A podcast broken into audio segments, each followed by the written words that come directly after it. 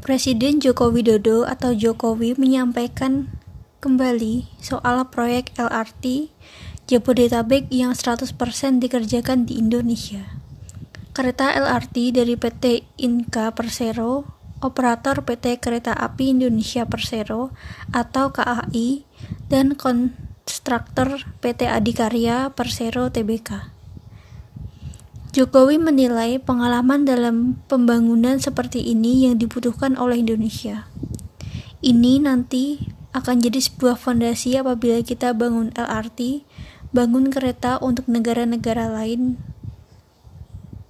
Sebab kata Jokowi saat ini Indonesia sudah mengekspor kereta ke negara seperti Bangladesh dan Filipina. Sebelumnya, pada Juli 2019, PT Inka diketahui sudah mengirim 23 kereta ke Bangladesh. Lalu, pada 2020, Inka juga mengekspor 3 lokomotif dan 15 gerbong kereta ke Filipina. Kedatangan rangkaian kereta ini merupakan salah satu wujud keberlangsungan kerjasama yang terjalin antara Filipina National Railways dan PT Inka sejak 1996.